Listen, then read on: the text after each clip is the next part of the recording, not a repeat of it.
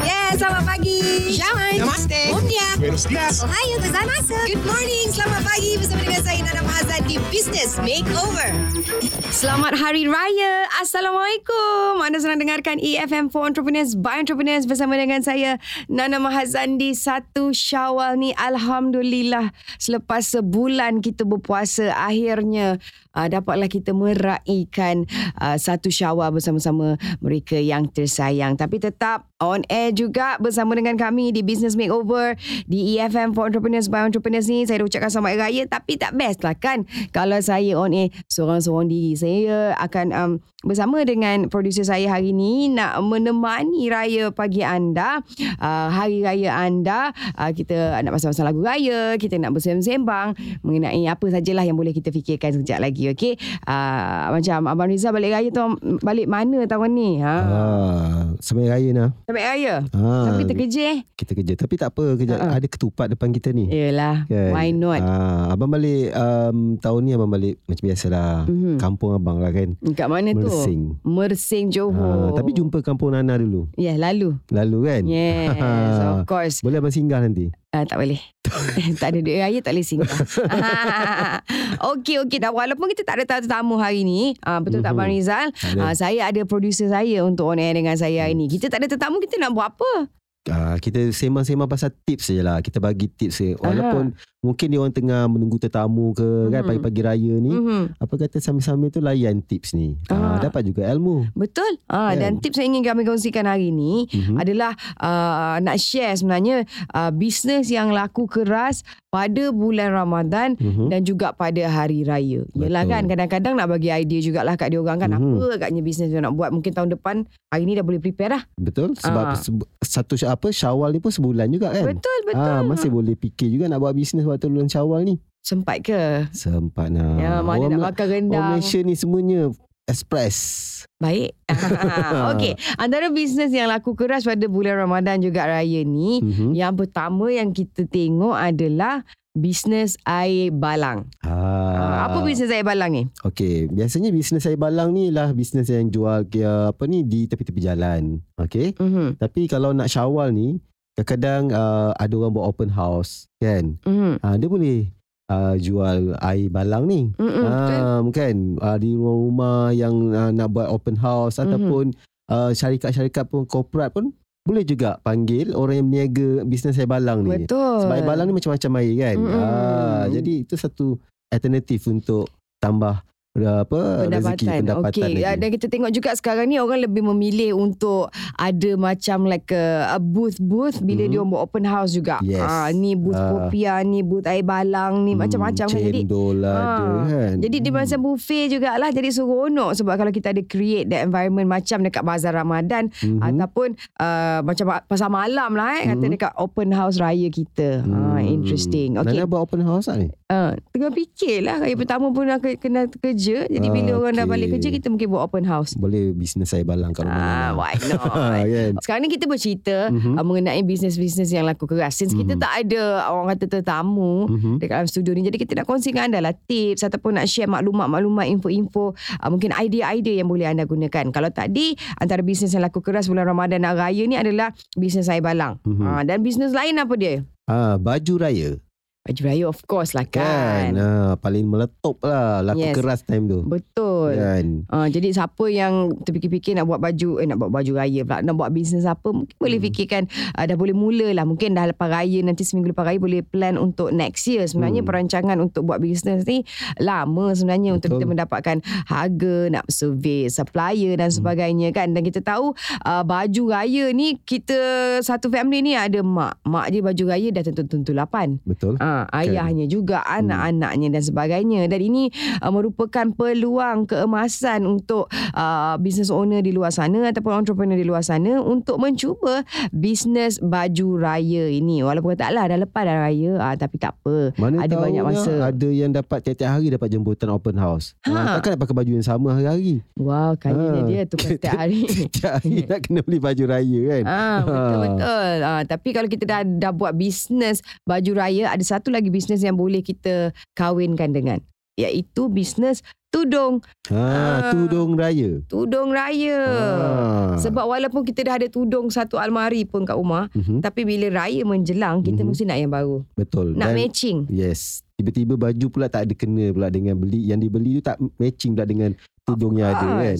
Ah, mungkin rasa dondon. Ah. Anak dengan ibu nak tudung sama Mungkin uh, isteri dengan suami Nak sama Betul. color dan sebagainya Dan Mhm. kita tahu kan Satu tudung ni uh, Biasanya dipakai untuk satu baju je Betul. Ah, Dia tak boleh hari ni pakai tudung A Besok nak pakai tudung A dengan baju B Tak boleh Betul. Ah, tudung dia A, baju A. kan. Tudung B baju B Ah. ah. Nanti orang kata sama je tudung dia kan. Why walaupun kita li- lilit tu lain caranya Okey. Tak boleh Tak boleh Tak boleh, tak boleh, tak boleh, tak boleh. Ah, Jadi antara bisnes yang boleh anda fikirkan Adalah bisnes tudung Ataupun kalau Hmm. anda nak buat bisnes baju raya Nak jual tudung sekali pun boleh juga Ah, dia pack- berkait. ah, boleh packing kan sekali ya. Ah, package kan. Ah, Ah, packing kan sekali dalam kotak lah. Ah, dan kotak Hmm, sekali. plastik. Lepas tu boleh ju- jual tinggi sikit kot. Ah, dia Ah. contoh macam ketupat lah. Ah. Dikawinkan dengan rendang. Ah, ataupun kan. kurma ayam. Oh, betul-betul itulah. lah. Apa sebenarnya uh, genre bisnes yang boleh kita lakukan di bulan ini? Bulan raya, bulan Ramadan yang mau lepas ni Hmm. kan apa agaknya? Sebab kita perlukan perancangan at least 6 months sebenarnya Betul. Hmm. untuk menghadapi tsunami uh, orang kata sales di bulan Ramadan juga raya ni. Hmm, ha, tadi betul. kita dah kongsi bisnes saya balang. Mhm. Boleh juga buat open house raya, baju raya, Mhm. tudung raya dan yang keempat adalah bisnes kuih raya. Baru kita sebut pasal Wow. kuih raya ni. Abang Rizal mungkin cuba boleh terangkan. Okey, kuih raya ni satu lagi uh, bisnes yang memang laku keras panjang Ramadan dan juga uh, bulan uh, puasa ni, eh bulan raya ni, Mhm. uh, Syawal ni sebab kadang-kadang tu kan nah, ada yang beli sikit-sikit. Mhm. Tengok-tengok eh tetamu nak datang telefon beritahu nak datang kan. Mhm. Makanan tak ada. Ah inilah masanya kalau kita nak jual kuih raya lagi. Ya ke? Ah boleh jual lagi. Aha. Sebulan kan. Mhm. Ah and then mungkin kita nak bawa pergi office ke ataupun uh, nak bawa pergi rumah tetamu, bawalah kuih raya sikit. Ah kira jadi bisnes ni sebenarnya berpanjangan. Dia tak stop sampai habis dah masuk Syawal dah tak boleh jual lagi. Boleh sebenarnya. Boleh. Kan? Ha, sebab raya pun juga sebulan, kan. Sebulan. Ha, orang akan mencari juga kuih raya.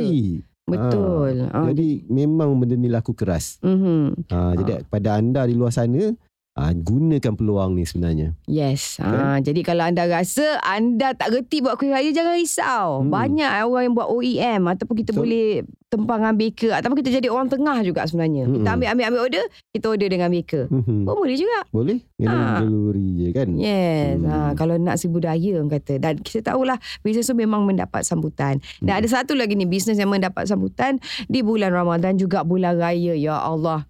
Kita sebenarnya kalau bisnes ni tak payah bulan raya pun. Hari-hari. Hari-hari kita hadap. Ah betul. Bisnes makanan. Hari-hari nak makan. Betul. Ha, nak nak pula kalau hari raya ni mungkin cara cara ni makanan ni mungkin berbeza sikit Betul. lebih oh, traditionalnya Mhm. makanan kan. Ha. Kau rumah Nana makan apa? Ketupat ke lemang ke favourite? Rumah saya orang Johor mesti kena ketupat, Sama. sambal kacang, Mhm. korma ayam, Mhm. rendang daging, Mhm. Kuah lodeh. Mhm. Ah, lagi apa lagi? Ah, tu Uh. je lah. Sedap eh. Sedapnya. Aduh. Aduh.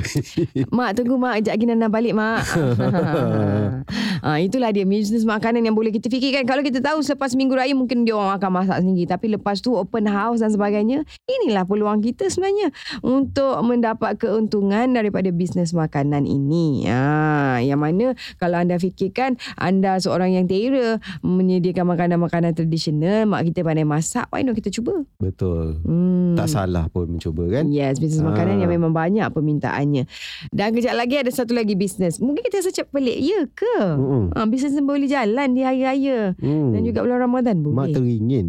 Mak teringin. Ah. Ha, itu tagline dia. Tagline dia. Bisnes terlekung. Wah, itu sebenarnya orang tak nampak benda tu. Ha, cuba ceritakan sikit bang. okay. Bisnes telekong ni sebenarnya kalau bulan Ramadan dengan raya ni Mhm. lain sikit sebab sekarang telekong sekarang ni banyak dah diinovasi kan. Hmm. Uh, especially dari segi uh, apa design dia, Hmm. uh, warnanya. Jadi Material kadang-kadang dia. uh, material sebab kadang-kadang ada juga orang pergi semayang raya, uh, Mhm. makcik-makcik, kakak-kakak, adik-adik, Mhm. keluarga kan pergi semayang raya ke uh, apa di setiap Masjid. pagi tu. Mhm. Uh, jadi waktu tu lah nak pakai tudung-tudung baru. Hmm, telekung-telekung baru Ah, ni. Tudung pula telekong baru ni. Ah, Ah, Jadi yes.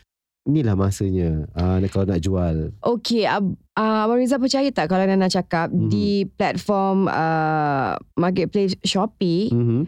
antara item yang mendapat sambutan di Shopee yang Mhm. mengaut keuntungan millions eh every year Serious, aha. adalah telekung sembahyang. Serius? Sumpah. Wow. Ah. Jadi sebenarnya jangan pandang rendah pada Hmm. telekung kan. Yes. Sebab orang ingat tel- tudung bet, uh, orang boleh buat sale Mhm. banyak. Tapi telekung sebenarnya memang ada. Lebih banyak. Hmm. Kalau uh, nak tahu saya pergi dekat uh, press conference yang dia ada kat oleh Mhm. Shopee baru-baru ni. Mhm. Uh, masa bulan Ramadan Dia share antar Bisnes nombor satu ya Bisnes nombor satu Yang orang beli di Shopee Adalah telekung Subhanallah. Believe it or not Yang mengaut keuntungan Hampir billions Wow, hebat. Yeah, Amazing uh, Jadi- Mungkin billions Ataupun millions lah Dalam masa Hmm. satu bu- Dalam satu masa Satu satu bulan Mhm. Ah, Itu adalah bisnes nombor satu Dan bisnes Antara bisnes-bisnes yang Paling juga dicari oleh Shopee Saya share lah kan Mhm. Ni ya Bubble wrap Oh ya? Yep. Okey. Ah. Benda yang tak disangka Tak kan? disangka kan Ah, Ah. Bubble wrap eh? Yes.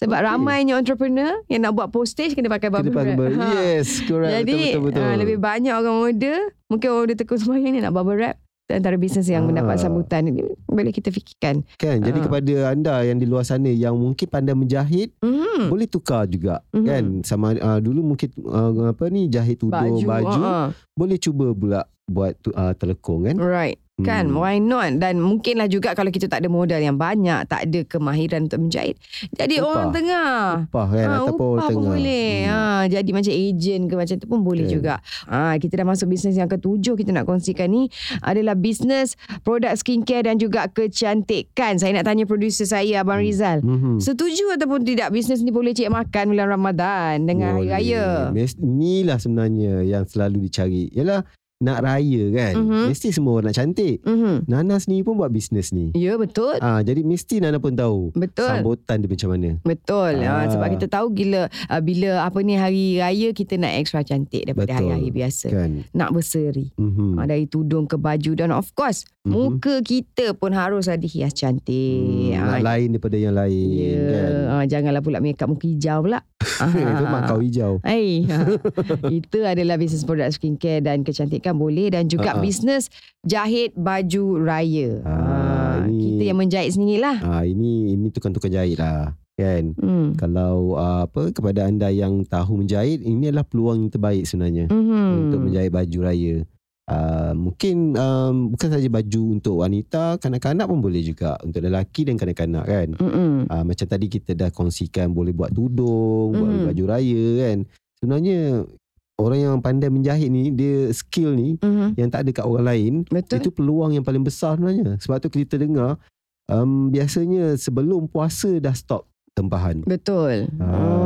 Sebabnya memerlukan skill yang hebat juga nak Mhm. menjahit dalam kuantiti yang banyak. Betul. Ah, bukan semua orang. Kalau kita boleh jahit satu baju boleh. Hmm. Kalau nak jahit 100 baju sehari, ah, Hmm. tak semua orang ada kepakaran tersebut. Jadi kalau anda ada kepakaran tu, anda boleh buat bisnes. Ah, alright, seterusnya bisnes apa abang rasa boleh buat? Jahit langsir. Wah, Ah. jahit baju jahit lansir lain eh? Lain. Ada orang memang fokus pada langsir je. Mhm. Ah, sebab kadang-kadang tempahan langsir ni pun Mhm. tak menang tangan ni. Betul. Ah, orang nak cantik rumah kan. Betul. Sebab langsir pun takkan nak buat satu pintu, satu tingkap aja. Betul. Ah, satu rumah ada banyak tingkap. Betul. Ah, jadi inilah sebenarnya masa untuk buat duit. Hmm, dan Ah. juga sebenarnya kan kalau kita tengok kalau anda boleh jahit baju, Mhm. tapi tak semestinya orang boleh jahit langsir. Betul. Ah, Ah. sebab langsir ni kain dia besar macam mana pula? Ah, Ah. Lepas tu dia punya design dia pun lain. Mm-mm, nak buat Scalar scallop-scallop. dia semua. Ah, nak Ah. jahit render dia mungkin uh, different skill lah daripada Hmm. buat baju tapi kalau tak tahu buat mesin tu boleh cuba jugalah sebenarnya kan, Kan. dan Hmm. biasanya juga mendapat sambutan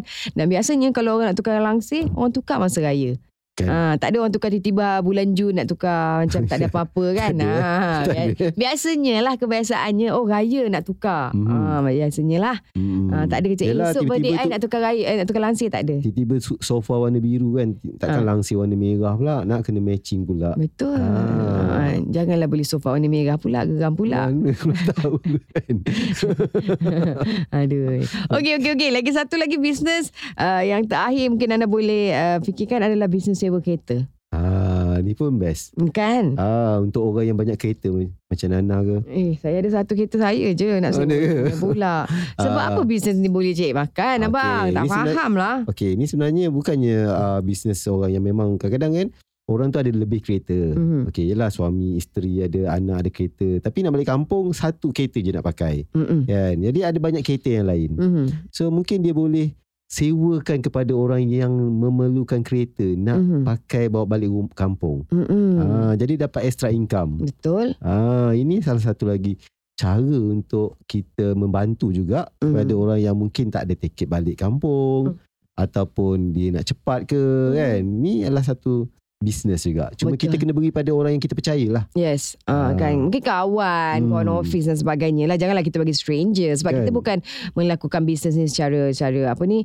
Uh, secara Yang Khusus. khusus Ah. ada berlesen. Kalau Mm-mm. bukan berlesen Mm-mm. maksudnya yang ada insurans secara ni Ah. semua kan. Jadi better kita uh, cari orang yang kita kenal. yes. Uh, kita yakin dan dia bo- ja- boleh jaga kereta kita. Mm-mm. Dan kita pun tak adalah charge macam tempat sewa kereta yang lain. Yes. Mungkin lebih cheaper sikit lah. Ah, Alright. InsyaAllah. Dah, dah habis ke?